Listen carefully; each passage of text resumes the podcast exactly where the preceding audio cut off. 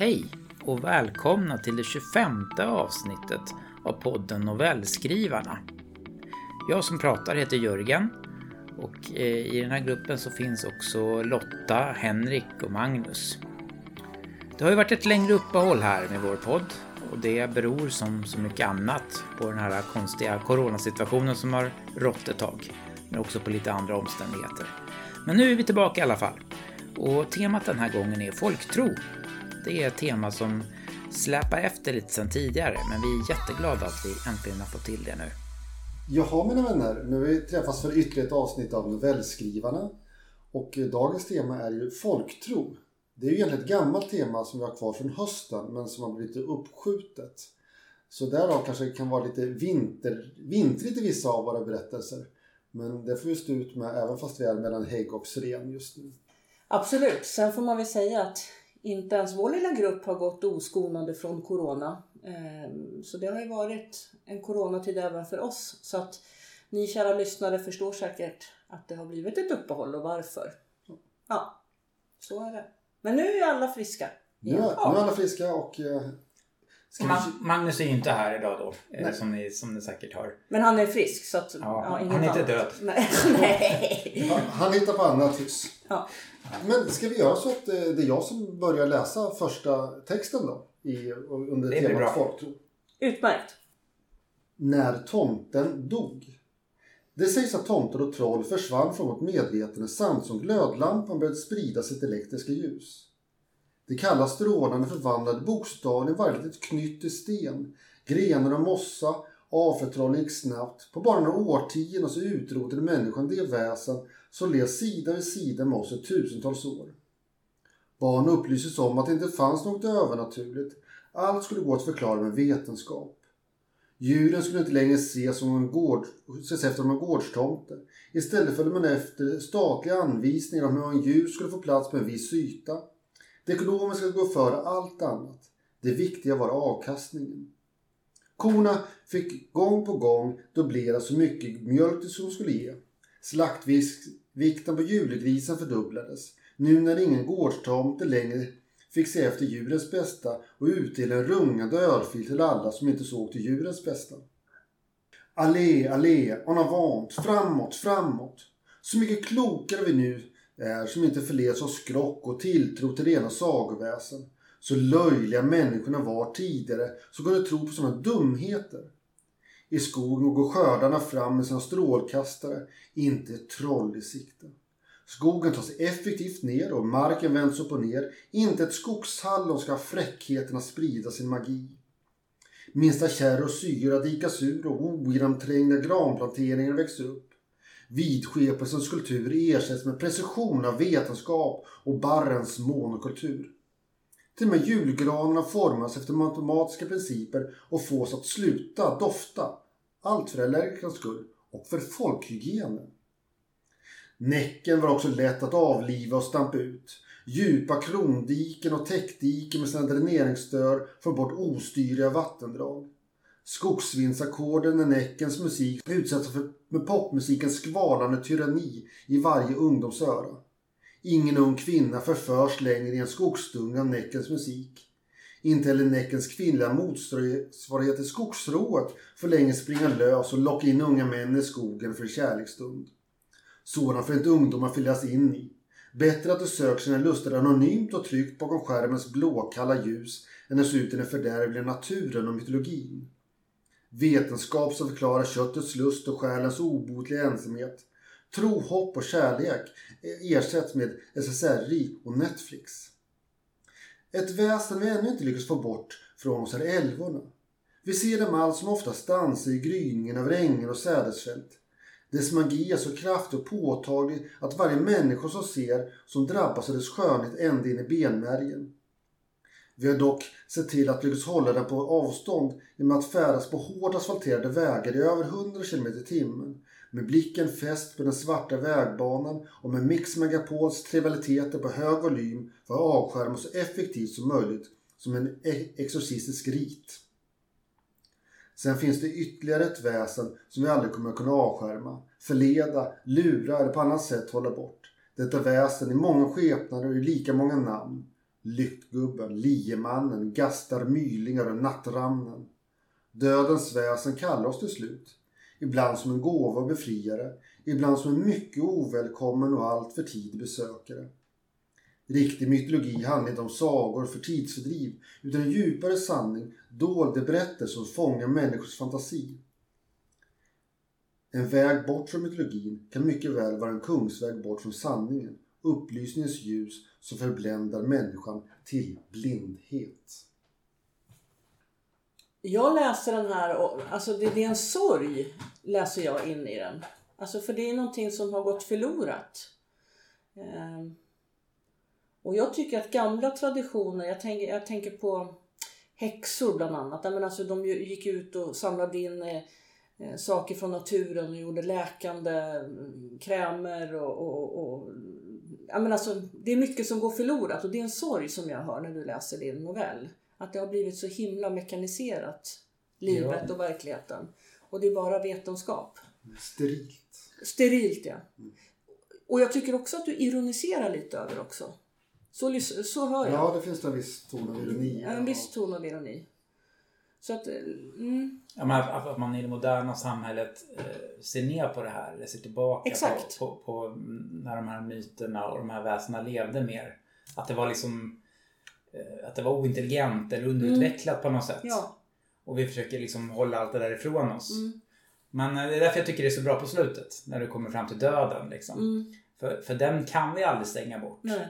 Och det, den är i sig liksom eh, ett mytologiskt väsen.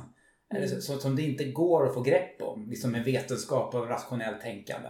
Så den finns alltid där som ett enormt orosmoment för den här sidan av oss som vill mm. vidare in i framtiden. Naturen kan vi asfaltera bort, men vi kan inte asfaltera bort döden. Nej. Det är så. De, viktiga, de viktiga frågorna. Är det dina ord? Alltså asfaltera det du sa nu? ja. Men härligt! Vilket, det, det, det är ju fantastiskt. Ja men det är faktiskt så att, att det, jag har ju hört den här förut att den här texten så finns det ju som ganska många sådana rader som man, ja, man kan exakt. plocka ut och fundera ja. ganska länge på. Som är också väldigt bra formulerat tycker jag så här mm. poetiskt. Mm. Som när man kör där i 100 km i timmen eller vad det är på vägen där och inte vill se de här älvorna liksom. Mm. De har mix megapol och ja, mm. Det är en väldigt skarp bild. Eh, av, av vårt moderna samhälle kontra det här som lever kvar hela tiden men som vi försöker avlägsna oss ifrån. Kanske mm. själva naturen och jorden och den som föder oss. Mm. Nej och någonstans så är det ju, jag menar, de som är intresserade av sånt här, jag menar, det finns ju forskare som forskar på folktro. Eh, på religionshistoriska institutionen så fanns det när jag gick i, i Stockholm. Så fanns det de som forskade och doktorerade på det. Men det blir ju så kunskapen finns kvar men så oerhört få människor. Jag tycker att det är en sorg.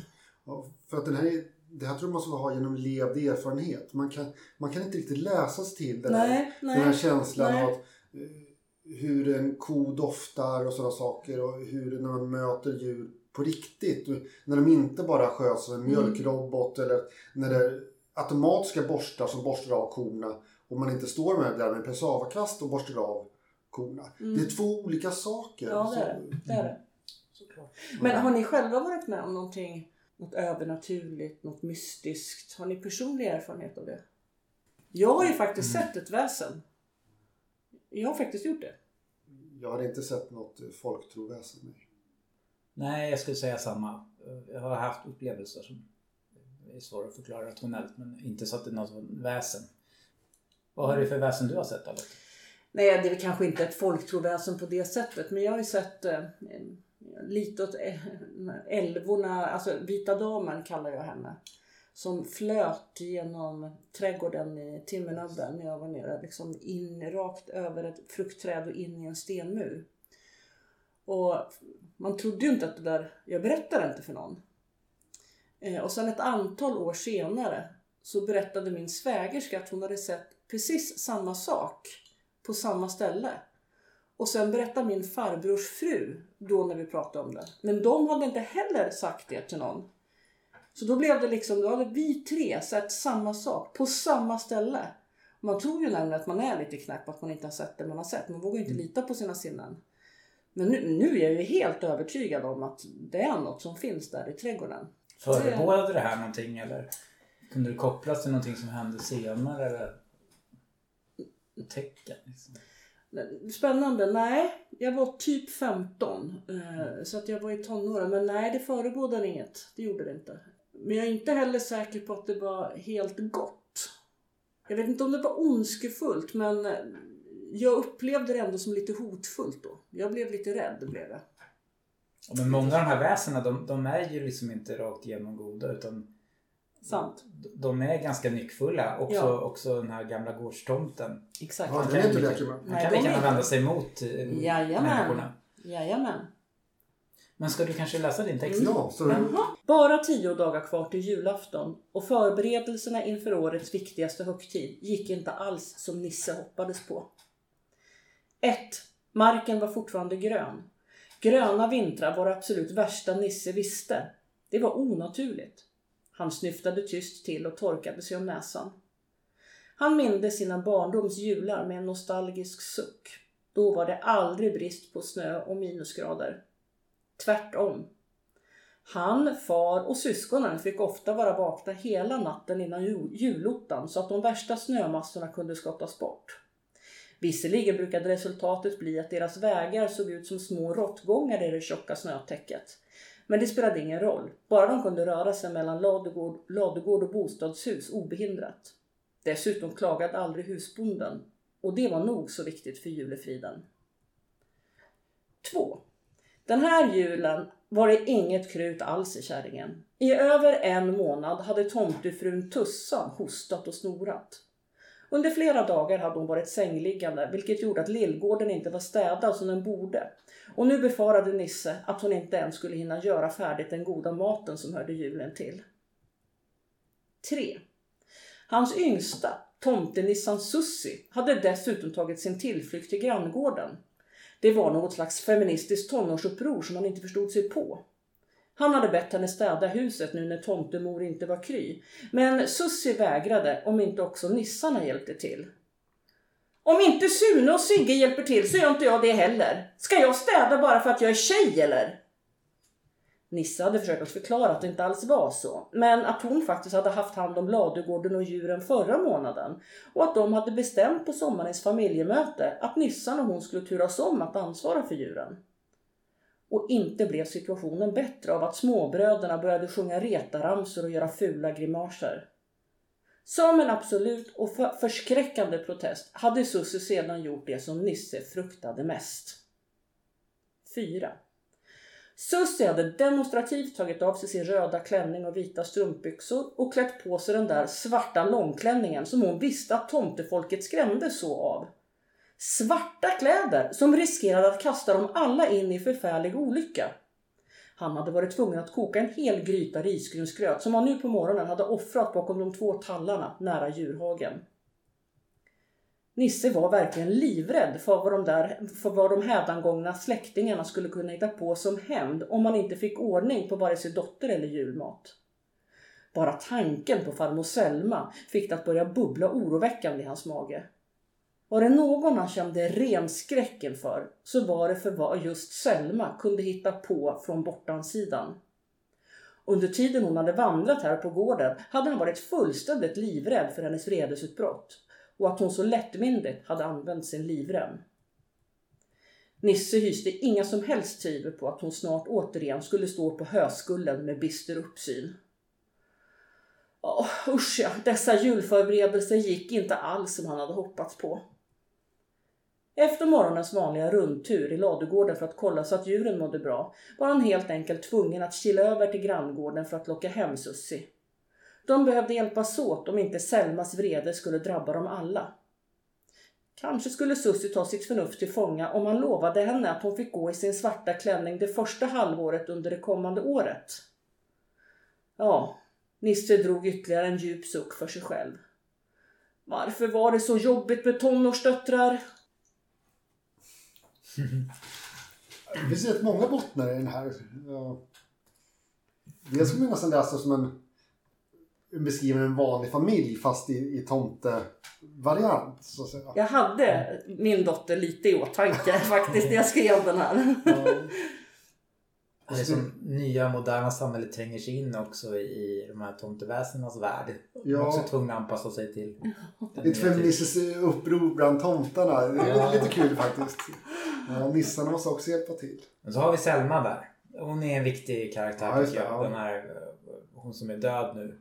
Men mer den gamla hårda tomteskolan. Som, Exakt. som fortfarande är någon sorts... Som styr på ett sätt bortom döden. Mm. Matriark. Mm. Tomtematriarken. Mm. Hon är mer den som man tänker att också människorna förr i tiden på bondgårdarna och sådär kunde, kunde frukta. En sån där lite butter, nyckfull Mm. tomtefigur som man känner igen. Fast det är ändå lite, för det här kommer ju julen in, nu, även fast vi är nu inne i maj så. Det är intressant hur julen ändå har sånt grepp kring samhällena. Alltså oavsett land egentligen så. Verkligen. Julen, den firar man verkligen. Vad tror ni att det beror på att man fäster så enorm vikt vid just julen? Nej men jag tänker att och jag menar här så firar vi ju midsommar då, det gör man ju inte i alla. Men alltså jag tror att när man bor så här uppe när det i Norden, när det är mörkt och kargt. Alltså jag tror att man behövde, oavsett kopplat då till kristendomen, även på vikingatiden, man behövde en stor fest för att liksom stå ut med mörkret. Man behövde samlas, alltså det är en lång och seg höst. Och sen någonstans mitt där på vinterhalvåret så vet man ju ändå sen, då kommer nyår, då går vi mot ljusare tider. Så jag tror att det är en självbevarelsedrift att någonstans få ha någonting kul under den mörka tiden. Att det, att det är hoppet helt enkelt. Ja, någonting sånt. Att det är hoppets högtid. Ja, För är det inte så att i julen så eh, går det ofta ihop? Alltså, så, så, som kristendomen och det som fanns innan liksom. japp. Det firades väl också innan kristendomen gjorde sitt intåg? Ja, ja, midvinterblot. element. Ja. Att de sammansmälter på något sätt. Nej, ja, nej, men jag tror faktiskt att, och även de som inte är kristna, men alla firar ju jul. Alltså, så att det, är det är en viktig högtid även om man inte lägger in några religiösa förtecken för den. Och så är det ju för oss också, även om man då inte går i kyrkan till exempel. Man träffar i familjen, om det inte är corona då, nej, men äter och dricker gott och spelar spel. Alltså det är ju en, en varm högtid, tända ljus och mat och värme liksom. Så den fyller ju en väldigt viktig funktion, Otroligt, julfirandet. otroligt viktig funktion. Även om man då inte är troende. Jörgen, Min novell heter Tomten. Och när jag tänker på den nu så är det kanske en ganska bra tid att läsa upp den. För att den utspelar ju faktiskt sig nästan i den tid vi är i nu ändå. Fast den heter Tomten. Mhm, Spännande. Det vimlar av stenåldersrösen i den här skogen säger jag. Människor och djur som, och fan vet vad, bodde visst här redan när vattnet täckte allt annat. Stefan nickar och tar en klunk av sin kalla öl. Det är en av de första riktiga sommarkvällarna i början av juni. Jag och Stefan sitter på baksidan av radhuset. Frun och barnen är hos svärmor över helgen. Jag gläds över att Stefan prioriterade att resa hela vägen hit från Stockholm. De senaste åren har vi alltmer glidit ifrån varandra. Båda har fullt upp, visst. Med karriär och barn och allt det där. Men det är något mer som har krypit sig på. En sorts stumhet. Som om vi har blivit främlingar för varandra. Åtminstone känns det så för mig. Hur Stefan känner vet jag ju inte. Men jag tror det är samma. Någonstans hoppas jag nog att, den här, att det här är kvällen när vi hittar tillbaka till det gamla. Till ändlösa nätter med Springsteen och öl och den varma känslan av att höra ihop. Jag byter låt till Highway Patrolman och tycker mig se att något blänker till i Stefans ögon. De där hembygdsgamlingarna har skrivit metervis med överklaganden, säger jag. De är fan som fornlämningar själva. Jag kräks på deras gamla stenar och skrönor. Snart kliver en motorväg den här jävla skogen. Dundrar fram över hästhagar, troll och all gammal skit. Stefan skrattar till på ett sätt så att jag förstår att han är med mig. Han är ju själv jurist. Det är förstås ett genidrag att bo här själv när jag nu ska övertyga allmänheten om det här projektet. Ger trovärdighet. Jag hoppas att Stefan ser det utan att jag behöver säga något. Även om det kanske inte var tanken från början och även om vi förstås redan håller på att planera vår flytt. Plötsligt stirrar Stefan mot skogsbrynet. Men vad fan! skriker han så att jag rycker till. Sedan reser han sig upp så hastigt att stolen faller bakom honom och hans öl välter ut över bordet. Medan jag iakttar vätskan som droppar ner på vårt nya trallgolv så rusar han över gräsmattan och stannar tvärt vid randen i skogen. Stefan för helvete, vad gör du? Men han säger ingenting. Vänder sig inte om utan står bara och stirrar. Sen verkar han bestämma sig och försvinner in i halvdunklet mellan träden. Först nu reser jag mig också. Jag fattar ingenting av det här. Jag går mot skogsbrynet där han försvann. Ropar hans namn lite halvhjärtat och darrigt. Hoppas inte någon av grannarna är ute. Det börjar skymma på allvar nu. Ser mörkt ut där inne bland granar och tallar. Jag känner ett motstånd. Det är som att det finns en osynlig gräns och om jag överträder den gör jag mig själv sårbar. Men jag måste väl följa efter Stefan. Ta reda på vad fan han håller på med. Så jag går in mellan träden och ropar hans namn. Högre och med mer pondus. Jag tycker mig höra hur kvistar knäcks någonstans långt där framme. En gång tycker jag mig höra en röst. Nu ser jag en gestalt mellan träden, helt säkert. Stefan, stanna! ropar jag. Det är kolmörkt nu. Det var en snabb skymning. Jag vet inte riktigt var jag är någonstans. Ryser till. Har bara en tunn tröja på mig. Det var inte meningen att vi skulle springa omkring i skogen. Jag tycker mig se ett ljus där framme. Går ditåt men får en kvist i ögat och när jag slagit bort den är ljuset borta igen. Jag sätter mig ner på något jag tror är en stig. Då syns ljuset igen, nu snett bakom mig. Jag reser mig upp och går ditåt. Mer försiktigt nu. Som att jag skulle behöva smyga mig på det. Jag kommer fram till en svagt upplyst glänta. Det är väl här det där gamla torpet låg. Det som hembygdsmänniskorna bråkade allra mest om. Jo, det är här. Där framme är den fallfärdiga ladugården som nu är helt övervuxen med mossa. Och det där enorma lövträdet som känns som malplacerat mitt bland alla barrträd. På gårdsplanen står en lykta. En sån där gammal med sotigt glas och levande ljus. Framför lyktan sitter någon. När jag kommer närmare ser jag att det är Stefan som med slutna ögon sitter och vaggar fram och tillbaka. Som i någon sorts trans. Precis bakom lyktan står något som ser ut som en mycket gammal dvärg. Det slår mig att det måste vara en tomte. En sån som smyger omkring på gårdarna i sagor. Det är ju egentligen löjligt. Men jag känner inte direkt för att skratta. Den ser verkligen urgammal ut. Han vänder blicken mot mig. Åh, de där ögonen. De går inte att värja sig mot. En stålgrå blick, lika grå som hans kläder, det långa skägget och mössan han bär. En blick som inte tål motsägelser. Han visar mig en gest att jag ska sätta mig bredvid Stefan. Jag gör så. Nu ser jag att tomten har en sylvass pinne i handen. Han doppar spetsen i någon sorts träskål. Och innan jag hinner protestera tar han några snabba steg fram och sticker den vassa pinnen i min hand. Jag skriker till. En intensiv smärta strålar från handen ut i hela kroppen. Sen kommer något annat som liknar välbehag. Att liksom lyfta från kroppen. Jag slås av att det är en absurd situation. Men att det på något sätt är fint att jag är här med Stefan. Vi är tillsammans i natten igen. Sen känner jag för att skratta. Och den här gången gör jag det. Högre och högre tills det dånar i skogen. Och jag vet att jag aldrig, aldrig ska sluta skratta. Mystisk novell. Här kan vi se att tomtar de eh, säger ifrån om det är någonting. Mm. Ja, och sen undrar jag, är det här någon slags, är de i ett drogrus? De här två killarna. Att de har tagit droger där utanför, alltså. Är det här någonting som utspelar sig bara i deras huvuden? Förstår ni vad jag tänker? För det är ju verkligen det är en absurd liten novell. Ja, det är det. Jag undrade vad de skulle ta slut och vad Fast- de skulle sluta med. Så Ja. slutade de med jag kommer aldrig sluta skratta. Då tänkte jag men det här är något delirium av något slag. Ja, Fast är det mindre sant bara för att det utspelar sig bara i deras huvuden? Nej, det är en intressant invändning i och för sig. Det är en sån Dumbledore-invändning tror jag. Men vad vad- vad- vad kan du säga mer om den? Vad är syftet med den? Ja, för den, den slutar ju väldigt öppet. Ja, verkligen. Ja, mystiskt. Ja. Jag, jag får inte grepp om slutet där. Möjligt att, att ja, Magnus hade också åsikter om slutet vet jag. Men alltså inspirationen på något sätt det, det är ju vårt radhus där, där vi bodde förut. Och ditt droganvändande. Ja, precis. Nej men Ostlänken som håller på att pla- planeras där. Aha. Och som ska liksom skära rakt igenom den här gamla skogen. För att om jag förstår Jaha. rätt så när, när Nyköping liksom för väldigt, väldigt, väldigt många år sedan till ganska stor del stod under vatten. Så eh, alltså den här skogen ligger ganska högt. Och det finns ju väldigt mycket fornlämningar och sånt där. Så Alltså där ni, ni bodde i Ja, ja, precis. Ja. Skogen där.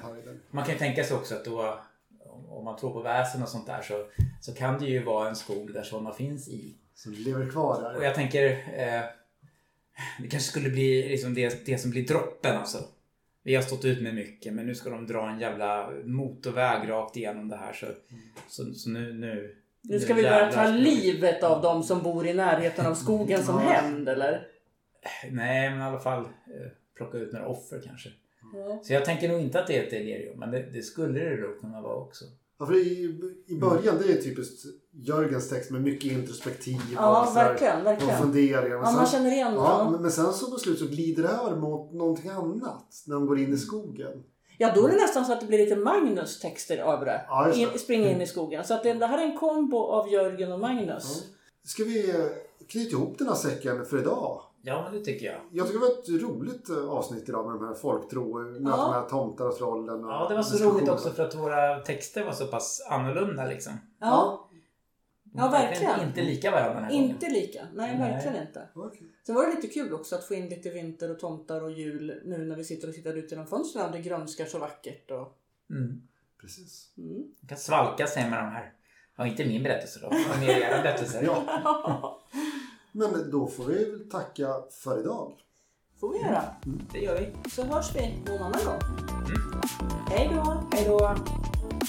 Ni har precis lyssnat på det 25 avsnittet av podden Novellskrivarna med temat folktro. Eh, Nästa gång så är det jag och Jörgen som bestämmer tema och det har jag redan gjort. Temat kommer att vara sagor, alltså folksagor fast i modern eh, skrud skulle man kunna säga. Alltså, man ska utgå från en folksaga, men man ska placera den liksom i vår tid eller i framtid. Alltså inte i den här tidlösa sagomiljön som de brukar utspela sig i. Annars så är det fritt att tolka temat som man vill. Ni är välkommen till det 26 avsnittet. Ha det bra, hejdå!